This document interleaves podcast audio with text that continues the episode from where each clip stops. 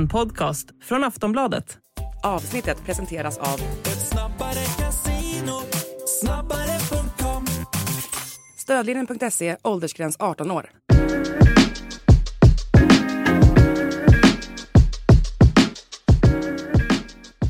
Allsvenska podden är tillbaka den här veckan med mig Daniel Kristoffersson och eh, Per Boman. När jag skickade ut det här eh, körschemat till dig så skrev jag att det var mer än fem punkter som vi ska gå igenom nu.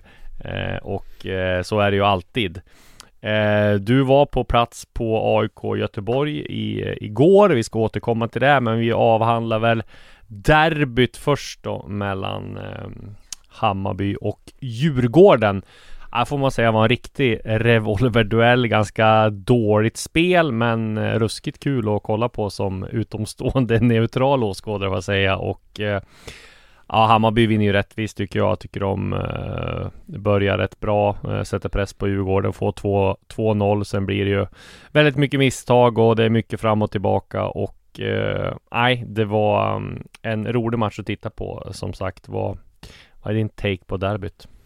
Ja, jag såg den i efterhand sen Mm. eh, på natten därför jag var borta på dagen och jag jobbade ju inte. Men eh, ja, jag håller med dig om att det var att det, det, det, jag tycker att det var en, eh, också en rel- relativt dålig fotbollsmatch mellan två lag som totalt sett har gått ner sig ganska mycket. Mm. Även för det såklart det stor glädje för Hammarby givetvis att vinna det här derbyt och på det sättet de vann så, så är det ju två klart sämre lag. Det är ju ingen, kanske inget revolutionerande att säga så, men jag bara verkligen noterade när, när jag kollade att eh, det här är det här är inte den typen av derby som man är van vid liksom. Jag tycker det är, kvaliteten liksom är så mycket sämre än, vad det varit eh, när det var som bäst för, för, nå- för något år sedan, några år sedan. Ja, jag håller helt med. Det var väl eh, framförallt, eller det jag slogs av var att det var väldigt bra drag på läktaren. Framförallt Mm. från Hammarbys eh, supportrar. Ett väldigt eh, fint tifo skulle jag vilja säga Mm. när de käkar Det var faktiskt Djurgården till frukost och eh, Men jag tyckte även Djurgården var, gjorde ett eh, rätt bra eh, tifo Där de körde halvtidstifo också så att eh, All cred till, till klackarna som gjorde det bra Men det var ju Hammarby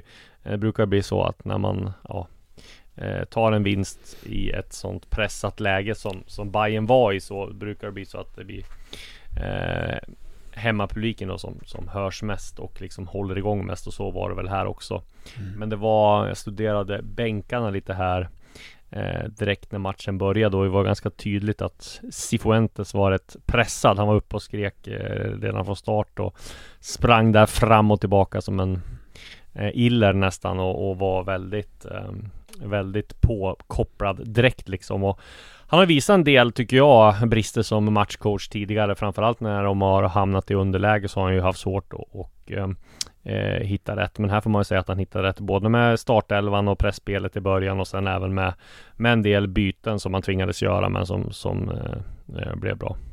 Ja, apropå tränare så reagerade man ju ändå ganska kraftigt på Kim Bergstrands Ja. också intervju efteråt när han är så tydligt sågar liksom något så enkelt Inställning. som inställning liksom. Han Mm. menar att det var en supportanalys av honom då att att, att han inte, han har typ mer eller mindre aldrig sett Djurgården äh, agera på det sättet. Det var väl lite känslostyrd analys såklart, så vilket han sa som supporter då. Men, men, men det visar väl på något sätt att det är nå- någonting som är lite mm, fundamentalt fel då om, om tränaren går ut och så tydligt eh, sågar attityd, vilja, bollvinst, inställning. Ja. Att han inte känner igen sitt lag. Ehm, Nej men det har ju alltid varit så med Djurgården tycker man att de har inte levt på de här stjärnspelarna Utan de har med lag varit kollektiv som har jobbat hårt för varandra Men, men det såg man ju inte, inte nu om man, De har ändå haft förmågan att komma tillbaka och ta sig samman Nu var det mer som att Ja, det kändes uppgivet och precis som han sa, de kändes inte liksom påkopplade. Jag noterade att de hade ett, eh, jag kollade statistik efter de hade trots allt, Djurgården, Djurgården hade trots allt ett eh, ganska tydligt högre XG och sådär än, än, Mm. vad, än vad Hammarby har, vilket förvånar mig för Hammarby har ändå två straffar och straffar brukar ju, eftersom de är så eh, stora målchanser givetvis, brukar ju dra upp XG ganska, ganska mycket och det hade ändå Djurgården mer. Men det beror ju såklart ibland på också att ett lag jagar väldigt hårt givetvis. Leder man så har man kanske inte exakt samma behov av att ligga på och skapa så mycket som ett lag som, som ligger under, så, särskilt i derby som måste, som måste köra på som fan och då kan ju kanske XG-siffrorna i en enskild match ibland bli lite, lite missvisande men jag, funderar, jag noterade ändå det liksom att, att, att Djurgården eh, totalt sett skapade ju mer då liksom. Mm. Eh, men, men, eh, men det var ju Besara också givetvis att han, att han steppar upp som en av de första. Det ju, har ju varit ett antal stora eh, namn eh, som, som i storklubbarna som har levererat dåligt under, under upptakten. Ja, det får man säga. Eh, och jag tycker egentligen att Besara är en av de som Nej, han har ju varit sjuk och haft den här Ja precis, precis. Och jag tycker ändå han har haft matcher som har varit ganska bra i, del, i perioder sådär också men det är klart att det är oerhört viktigt för Hammarby att han går upp och är den 4 plus 5 plus spelaren igen som Mm. han kan vara så att eh, det var ju skönt givetvis. Ja, Besara då var den stora glädjeämnet där som skrev fram med två mål, en framspelning och en Panenka-straff som Mm. man bör nämnas också. Kanske inte bästa Panenka man har sett någonsin, Nej, men var- den, den går ju in nedslitt så det blir ju väldigt kyligt Mm. eh, från Besaras sida. Och sen får man ju säga att Ajay också, även fast han är lite fladdrig och gör en del misstag, men det gjorde även Kosun Odilon. Eh, så ser väl han lite sådär majestätisk ut också som, som Odilon eh, gjorde. Stor, stark, bra på att hålla bort sin spelare. Men måste ju bli lite mer taktiskt skolad. Måste bli lite mer och få bort en del misstag. Men precis så eh, sa vi ju om Odilon också och, och liksom undrade vart, vad det här var för spel och sen fick han den utvecklingen. Det finns ju ingenting som säger att eh, Adjei inte skulle kunna få en, i alla fall en liknande eh, utveckling. Kanske inte blir lika bra som Odilon men i alla fall komma utomlands och säljas om de nu väljer att spela honom. Ja, men jag tycker nog för, för hans egen skull att vara lite schysst. Nu gör han ju mål givetvis och gör en hel del som den nya Nej, nej, men nej, men man får spela som mittback liksom. Ja, det är det alltså, jag menar. det, ja. det, det, det, det, det är inte, jag tycker han eh, gör ett, ett okej jobb som Mm. hjälpgumma där ute men för hans egen skull tycker jag att om han ska spela så bör han få spela Mm. mittbacken då. Men det var ju, ja, lite, lite där också Odilon började som Mm. ytter också. Men, men i alla fall. Eh, och sen Mikkelsen då. Det tror jag också är väldigt viktigt att man börjar få igång honom. Man ser ju att kvaliteten finns där och ett hypat nyförvärv som eh, många kanske var lite tveksam till efter kort tid men har börjat trumma, trummat igång nu efter, efter skadeuppehåll. Bayern betalade 15 miljoner, det blir höga krav men kanske många dömde ut den lite för, för tidigt. Nu har han ju inte gjort någon eh, supersuccé hittills men det har i alla fall blivit ett mål i derbyt och indikationerna man får är ju att han, det finns väldigt mycket mer att ta av där. Ja, absolut. Och, så, och sen kollar man på Djurgården försvarsmässigt så, alltså jag tycker ju inte att Marcus Danielsson är så dåligt, dålig totalt sett i spelet egentligen. Jag tycker inte han har varit det. Jag tycker han har varit ganska bra ofta när jag kollar på. Jag tycker han tar bra beslut med bollen och jag tycker att han är rätt bra i försvarsspelet också liksom.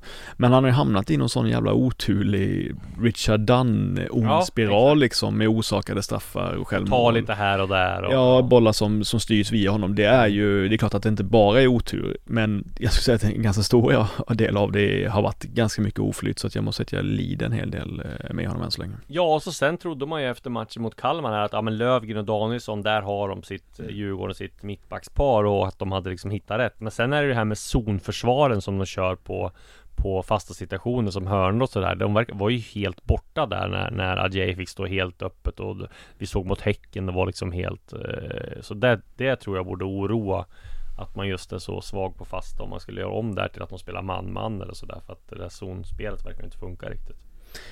Nej men det, det, det är klart att det, det, det är väl inte så att de, det, det är väl inte, det är väl inte så här, det är väl en gång på 50 som, som Adjei skarvar in den där Ja, bollen så snyggt som han gör. Men visst att de får komma så fri är ju, är ju inte i närheten av bra nog. Sen måste jag säga att jag tycker Elias Andersson eh, fortsätter vara ganska bra i, Ja. i, i Djurgården. Jag har ju varit, eh, man var ju ganska kritisk mot honom efter, framförallt kuppspelet och Europaspelet var det väl i våras. Ja, Mm. det var en period där, där, där lagen utnyttjade ytan bakom honom jävligt bra, men jag tycker han har kommit igång bra och varit väldigt bra i offensiven också. Och, eh, tagit den där eh, formsvackan på, på rätt sätt och visar bättre form nu. Eh, men, men eh, men, eh, men generellt sett så, ser, ser ju, så, så, så förstår jag att Kim Bergstrand är orolig för sitt Djurgården.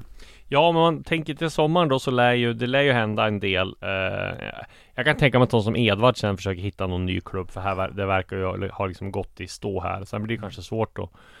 Och eh, sälja en spelare utomlands som, eh, som inte gör, har inte gjort mål på 15 matcher. Men det känns ju som att han och Kim och Tolle kanske inte går sådär jättebra ihop. Det är liksom ingen, han får spela ytter, det vill han inte och sådär. Jag kan tänka mig att han tittar på om det finns. Eh, Hampus Findell kanske kan säljas. Joel Asoro kanske kan säljas. Vad händer till exempel med en sån som Carlos eh, Moros Gracia som eh, nu får man säga en ganska dålig scouting får man säga. För där trodde man ju att han, vi var ju inne på det tidigare också, att han kanske, lilla svagheten han hade, eller svagheten, men i alla fall eh, det märker när han kom till Djurgården var att han kanske var mer av en trebackslinjespelare. Nu har han ju faktiskt visat sig väldigt svag och är ju inte så ordinarie i Djurgården, vilket man trodde att han skulle vara liksom en ledare och i klass med, med Marcus Danielssons eh, förra år och liksom så bra. Så att eh, det känns ju som att Bosse Andersson och liksom Peter Kisvalodi får börja snacka ihop så här För jag tror att det kan hända väldigt mycket. Jag tror det blir väldigt hektiskt fönster för, för Djurgården. För att man skulle tänka att de har Europaspel också. Sen kommer visserligen Jakob Rune Larsson hem. Men där tror man ju, och som det låter på honom och när man pratar runt lite grann så är det ju som att han vill studsa ut igen. Man har ju fått blodad tand på det här med, med eh, utlandet liksom. Så att eh, ja, nej. Det mm, finns mycket att fundera på när det gäller Djurgården. Ta en sån som Oliver Berg också som Eh, visserligen har sett bättre ut nu men när han kommer in i den offensiva rollen så blir liksom de andra mittfältarna hemma då får ta mycket mer eh, defensivt ansvar liksom och det tror jag de blir det mycket av också. Ja, alltså sen eh, kan jag förstå det var svårt, det var lite knivigt läge där i Djurgården. Man, man, fick, man fick ju ta det här beslutet att behålla Edvardsen, Asoro och Findell mm. för att man vill ha så starkt lag som möjligt i den här då för Djurgårdens del liksom historiska möjligheten att, att, att, att, att gå vidare i, i, i ett slutspel i, mm. i, Europa liksom. Och där och då kände man ju, ja, starkt, bra mm, gjort, verkligen. bra gjort. Men sen såklart när man ska vara klok i efterhand som, som baksätesförare så kan man ju känna att ja det kanske var då ett beslut när man höll i några lite för länge liksom istället för att börja om på ny kula och det kanske skapar friktion i truppen och så vidare och så vidare. Sen har ju en sån som Hampus Findell har ju, har ju varit stark och Jola Sår har ju varit, har ju också varit eh, i perioder bra nu under säsongen liksom sen han kom tillbaka men, men det, är, det är ju kniviga situationer. Ja och sen med Edvardsen då när liksom, han är ju Självförtroende i botten och så gör han den där framspelningen och sen byts han mm. ut 30 sekunder senare. Det är inte jättepsykologiskt då. Bergstrand och Lagerlöf som kanske inte är kända för att vara de bästa psykologerna och så här. Du, man tar spelarna. Men men. Eh, det, ja vi får se vad som händer. De har en viktig match här. Som kommer upp och det är väl viktigt att de känner någon form av att de är med i alla fall och nosar på en tredje plats här när, när sommaruppehållet kommer. Men det kommer bli tufft för Djurgården för att ja, det finns mycket och eh, mycket att jobba med. Ja.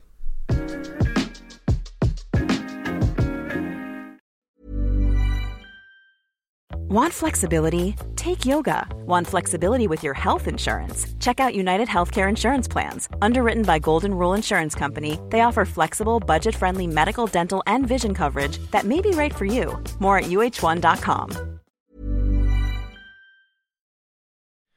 Om vi lämnar derbyt där då så kan vi eh, kort gå över till Malmö FF som fortsätter att eh, maktdemonstrera, man får säga så. De avgör i 96 minuten. Det är Patriot Seydou, avbytare Patriot Seydou som kommer in och, och skickar in den. Och säger väl en del om bredden på truppen när Malmö avgör i, i, ehm, i så sent. Och eh, ja, men vad kan man säga där? Dels bredden, dels Seydou att han, de har en sån spets eh, på bänken och sen en sån som Stefano Vecchia får man faktiskt säga har kommit in i det väldigt snabbt och ligger bakom väldigt mycket i offensiven och eh, pratas mycket om Bussanello och Cornelius och, och, och de som supervärvningar men Vecchia, fast han var kostar en del så får man säga att eh, ja, både han och eh, Rydström visste vad, vad han tog när han, när han tog Vecchia och eh, Taha Ali känns det som. Ja, alla värvningar har ju varit med nästan 5 plus än så länge, ja. alltså i, i, i, i utfallet. Men om man går in lite på Seido så är det ju nästan häpnadsväckande hur sylvass den pojken har varit vid de få tillfällen han fått spela. Han har mm. gjort tre inhopp, tror han har spelat totalt 63 minuter. Men på de 63 minuterna, vilket inte ens är en match, så tror jag, alltså kollade upp så har han en expected assist då på ja, knappt tre, tre assist under, under den perioden liksom. Och jag menar generellt sett så, så, så, så är, det, är det galet bra att samla ihop det på, på så få minuter och han har ju även gjort mål och, och, och ehm, att han är mer eller mindre fjärde val på, på ytterpositionerna är, eh, ja, är något i hästväg. För han, han, eh, han har faktiskt varit extrem under sina inhopp eh, och det är klart att det är lätt att säga att han förtjänar mer speltid men det är inte svinlätt att flytta på Nanasi som är som gjord för att spela under det här systemet med Rydström just nu, men han försöker göra och Tarali som jag tycker var bra mot Halmstad. Eh, och även Dovecchia, så att det, det, det, är inte- det, är inte, lätt. Eh, men jag tänkte på det den här matchen då, så att HBK har ju som bekant varit bra mot eh, de så kallade storlagen då på hemmaplan. De har ju slagit AIK, de har slagit eh, Halmstad, eller förlåt, eh, Djurgården och, och eh, Häcken Mm. eh, och gjort det på övertygande sätt. Eh, Men nu när Malmö åkte hit så, man kan ju tro då att det satt tajt inne och att det var hårt och att det var, att det var liksom, att det var, mm, att Malmö hade lite flyt när de fick med sig ett sent mål. Men när man kollar på den matchen så är det ju verkligen liksom en metodisk nedmontering över HBK, av HBK i, i, i, i 90 minuter. Det, Mm. det, det var ja, väldigt, väldigt välförtjänt med, med ett sent segermål och det var liksom inget Inget snack om det överhuvudtaget så där gjorde ju Malmö mycket, mycket, mycket, mycket bättre ifrån sig än vad de andra eh, ja, så kallade storklubbarna har gjort då eh, borta mot HBK eh, på Örjansvall.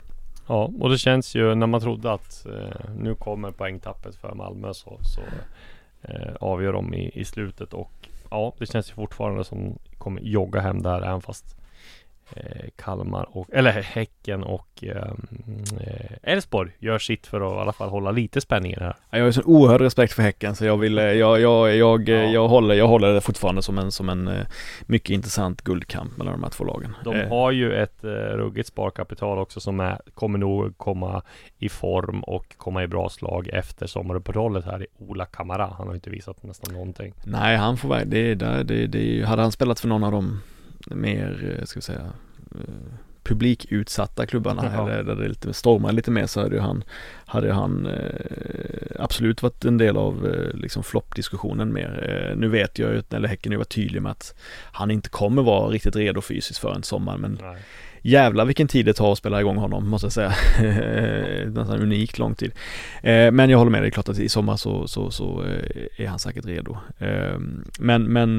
Klarade sig ju rätt bra ändå får man säga. Mm. Ändå. Eh, 6-1 mot Degerfors här senast var ju Ja kanske en- man får ge att Degerfors klappade ihop där Men Simon Mm. Sandberg kommer in i målprotokollet Mamadou Sonko eh, Och sen har vi ju Traoré, Sadik och Romeo som har visat kvalitet tidigare Ja men det var ju, såg en, en del av det i efterhand sen och att ta Sadik till- tillbaka igen också med det djupledshotet adderat till allt annat så är de ju brutala faktiskt. Eh, kunde ju bli, kändes som att de drog ner på takten sen efter 55 minuter ungefär. Häcken kunde väl med 10 kändes det som. Eh, det, det, det, det var eh, Degerfors är oerhört generösa. Eh, Fortune Bassi är totalt urslag Ja, får ju inte spela så mycket och när han får spela så ser det ju inte så bra ut överhuvudtaget. Eh, sen var det ju, får man ju säga, att Jan Vukojevics långskott där var Snyggt!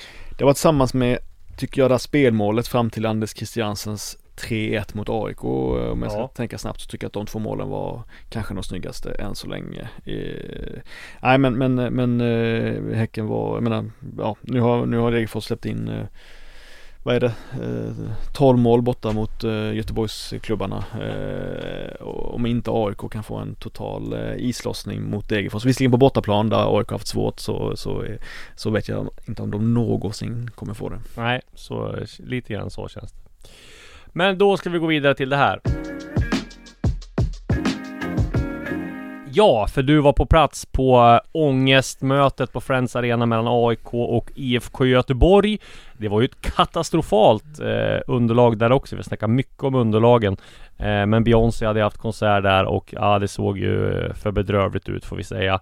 Eh, det blev 2-2 i en också en match som påminner lite grann om derbyt ändå tycker jag. Väldigt mycket eh, en revolverduell där, chanser hit och dit, mycket misstag, ganska dålig fotboll och Ja, AIK är inte alls påkopplade från början, vilket är helt eh, makalöst att de inte är med tanke på hur de har börjat de tidigare matcherna. Vad, vad säger du om, om ja, 2-2 mellan AIK och IFK Göteborg? Ja, jag tycker att Blåvitt totalt sett var det, var det bättre laget, Mm. måste jag säga. Mm, Klart mer imponerad av Blåvitts förhållningssätt och hur de hanterade matchen. En, en svår bortamatch. De hade ju sex raka förluster borta mot AIK på Friends. Så, eh, inte bara då pressspelet som varit bra under stora delar av säsongen och som firade triumfer där första kvarten. Det är Inte bara det, jag tycker liksom att AIK pratar mycket om att de att de skapade problem för sig själva för att de försökte spela upp på sitt mycket svaga mittfält då från backlinjen och satte varandra i svåra positioner på den dåliga mattan och det gick inte men jag tycker faktiskt att Blåvitt klarade det ganska bra. Jag tycker de hanterade ett, ett, ett, liksom ett, ett pragmatiskt kortpassningsspel på ett bättre sätt på den här svaga, svaga mattan så att eh, bara att de spelade bättre helt enkelt. Carlén och, och, och, Sebastian Eriksson innan han blev skadad och, och även till viss mån Hagen. Eh, vad sa du? Karlström var bra också. Ja, på stopp. Ja, men, men in på mittfältet Ja, så tycker jag, absolut. tycker jag liksom att er, Carlén, Eriksson och, och, och, och, och Hagen var Mm. jäkligt mycket bättre to- totalt sett än, än, eh, än Keita, eh, Hussein och Magashi. Men AIKs eh, centrala mittfält har ju varit liksom det, ett, ett av de sämre. Jag menar Magashi och Bilal måste ju ha någon form av formdipp deluxe här Mm. de senaste matcherna och har inte gått att känna igen. I alla fall inte Bilal Hussein och ja, men även Magashi har inte heller rosat marknaden och lite konstigt är att de får chansen. Men det säger väl en del om AIKs trupp hittills också. Jag säger som Manuel Lindberg där, jag sträcker upp händerna då fast om Magashi för jag var en av de som har hypat sönder honom mest senaste Ja. ett och ett halvt eh, åren faktiskt. Eh, Jag, jag trodde att han, jag tycker han var så, vad ska man säga, krispig i, Ja. i Värnamo. Jag tycker han var Eh, att det hände någonting hela tiden, att han, var- att han var en alltså, extremt fysisk spelare men som, som, som gjorde, tog kloka beslut på offensiv tredjedel och, och var den spelaren som var liksom motorn bakom att Oskar Johansson och, och, och Marcus Antonsson kunde se så bra ut. Men, men eh, nej, han har inte sömlöst gått in och blivit den där toppspelaren i AIK som jag trodde han skulle bli faktiskt. Han, han sliter på, liksom kämpar men han känns eh, oskarp mycket och tappar mycket boll och, och, och eh, verkar inte riktigt förstå systemet fullt ut. hur de Nej men och det är och där jag eh, liksom tycker borde oroa mest i AIK också. Det är de har liksom inget grundspel att falla tillbaka till. De har liksom inget, ingen, ingen offensiv som man tyckte att de hade fått ihop på försäsongen när man såg en del snygga mål. Men det är ju liksom, det finns ju inte där längre och det är ganska trögt där framme med liksom Faraj och, och eh, Guidetti också. Det är liksom det händer för lite framåt och det känns som att och Brännström pratar mycket om det i intervjun såg jag med, med eh, Discovery också efteråt att Han menar på att han har, de har, har inte de där relationerna där det var svårt att spela ihop ett lag Det har varit mycket skador, det har varit små skavanker, man har inte kunnat spela ihop en elva och sådär. Och det tycker jag märks. Ja, men, defensivt så har de ju i perioden bra, haft en bra organisation. Där, ja. jag menar i pressspel och liknande, hur de styr Jo men det var varandra. inte det man Nej jag menar, jag menar exakt, men där, det kan de, det är där de varit okej, precis som Ja. Mjällby var under Brännström sådär. Men däremot så har de ju inte lika många nycklar då i, i offensiven och. Brännström var tydlig i presskonferensen att eh, Alltså han är fortfarande där att han tycker att de saknar fart. Han tycker Mm. att ett tecken på det att de skapar så få chanser via omställningar är för att de inte har farten och utnyttjar bollvinster högt upp. Som till exempel i Blåvitt hade nu. Blåvitt har ju det. Gustav Norlin är ju, han kastar ju bort chanser ofta men han är ju fruktansvärt effektiv. Eller det skapar åtminstone en väldigt, väldigt stor oreda med sin direkta stil efter bollvinster och, och river ju upp stora sår i, i motståndarna. I, i, eh, i AIK finns ju bara Ferrari som, som gör det mer eller mindre liksom i, i, någon hög utsträckning. Men det är klart att eh, det, det, det ligger ju på Brännström också och skapa ett, ett, en offensiv som, som, som passar till det spelarmaterialet han har. Mm. Eh, om man ska säga någonting, ja men Brännan, vad, vad, vad tror vi där? Alltså hade det varit normala fall nu, jag säger att AIK inte haft så stor omsättning på, på ledarsidan och tränarsidan så hade ju det varit eh, Alltså folk hade gått bananas mot Brännström nu på, på sociala medier och så här. Nu känns det ju som det är lite fast inte alls lika mycket Kan ju vara för att Brännan har lite Han har väl en del eh, marginaler att gå på med tanke på att han är rätt populär bland, bland supportrar och, och sådär eh, Innan han kom hit men eh, Vad tror vi? Eh, alltså förlust mot eh, Degerfors här nästa, då är, känns det som det ska mycket till för att de ska sitta kvar. Ja det, är- det är ju ett, det är ett speciellt läge i AIK för att det finns ju en liksom försök till kulturförändring på något sätt bland supportrar även och i, i klubben att man vill inte vara de som jagar bort någon. Man vill försöka jobba långsiktigt. Man vill identifiera en person som man tror på och ge honom chansen att, att lösa det här liksom. Och det kan man ju, liksom, det är ju beundransvärt tycker jag. Och det gör ju också att Brännström eh, får lite av en smekno, smekmånad i jämförelse med många andra tränare hade fått Mm. i, i AIK. Vilket kanske är rätt i det här läget. Ja, också. Precis. På ett sätt är det ju rätt så. Men sen så är det klart att AIK ska ju aldrig vara så dåliga att de riskerar att åka ur. Där, där, där, det är inte så att man ska vara Man ska ju inte vara på något sätt eh, för sakens skull hålla fast vid någonting om det verkar gå fullständigt åt helvete. För det, det, det är så, så illa eh, Så illa kan man kan liksom En en framtida utveckling kan liksom inte ursäktas för, för en så dålig Dålig period på något sätt. Men det jag tänkte på På Brännström det är ju att Jag har ju tidigare sagt att jag gillar ju hans ärlighet liksom. Ja. Och jag gör fortfarande det. Jag tycker att det är alltid intressant att höra på honom och jag tycker att han, han säger som det är.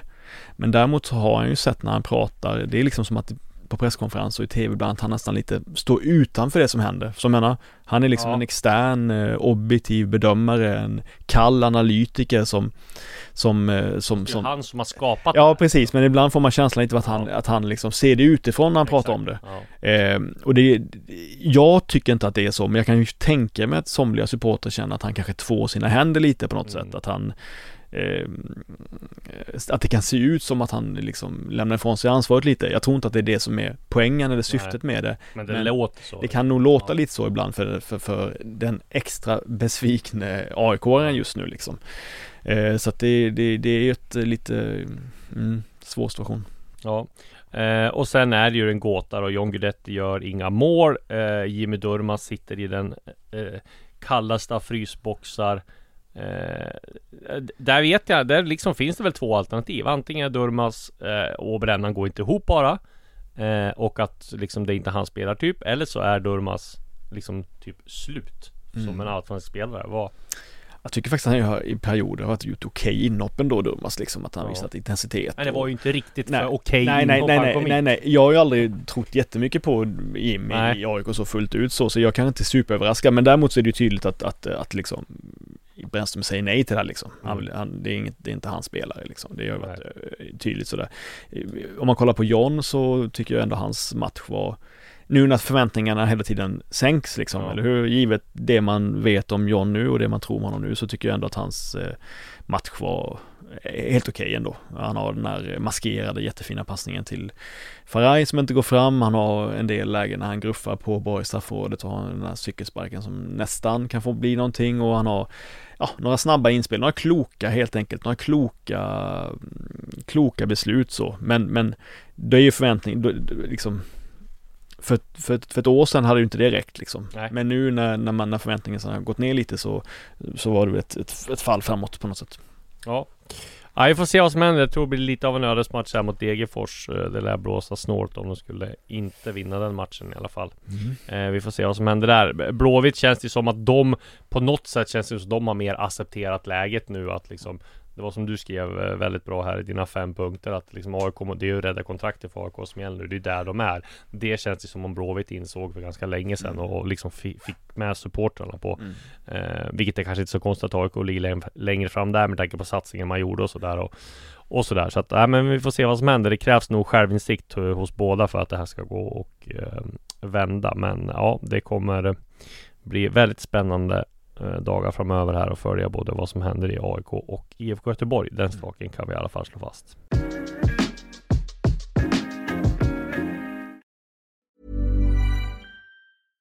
Finding your perfect home was hard, but thanks to Burrow, furnishing it has never been easier. Burrow's easy to assemble modular sofas and sectionals are made from premium, durable materials, including stain and scratch resistant fabrics. So they're not just comfortable and stylish, they're built to last. Plus, every single Burrow order ships free right to your door. Right now, get 15% off your first order at burrow.com slash ACAST.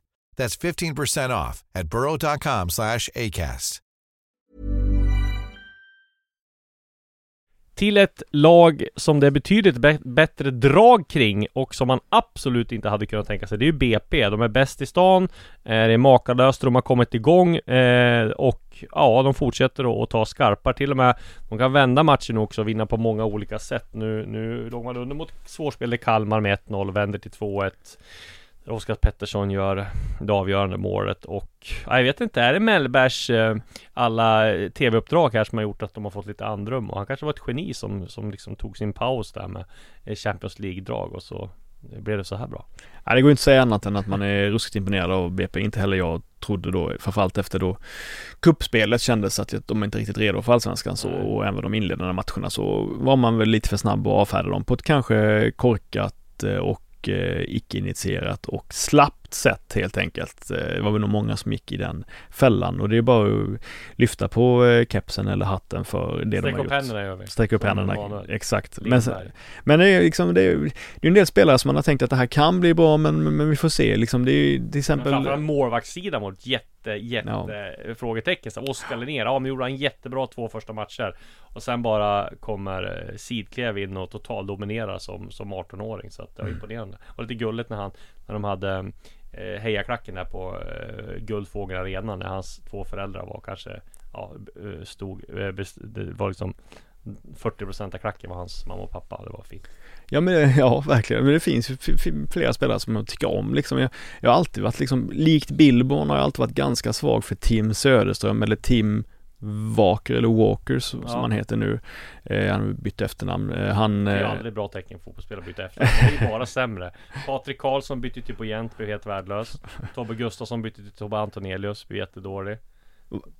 Vad han sa, blev han inte jätte... Blev han så? Ja, Jo, kanske. Ja, vi, ja. vi, vi säger det här för att hålla den här tesen. Och så har vi Pierre, Pierre ja. Bengtsson, Ja. Neurat Bengtsson, samma, Erik Berg, Erik, Mm. Erik Johansson. Det är, jag, Du har rätt, du har Ja. rätt, du har rätt. De får andra kanske.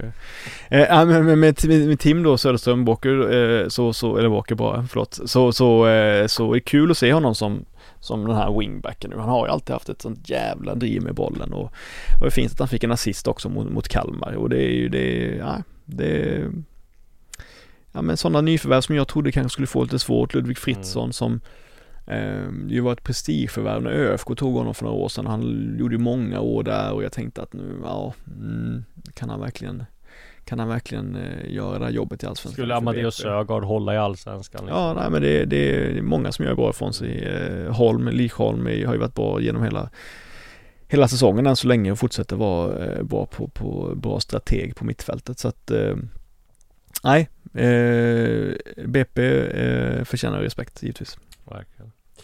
Om vi ska avsluta då med tre lag som har Som man kanske inte var, skulle förvänta sig vara med i toppen Så är det ju Norrköping som fortsätter att gå bra Elfsborg som fortsätter att gå bra Och Mjällby eh, Som är femma i Allsvenskan Det är ju helt eh, Marcus Lantz nivå. otroligt Ja det är ruggigt, ruggigt bra Och de ska också spela cupfinal här nu eh, På eh, eh, Pissarenan som Simon Gustafsson uttryckte det, Stra- Strandvallen Men, och du ska dit va?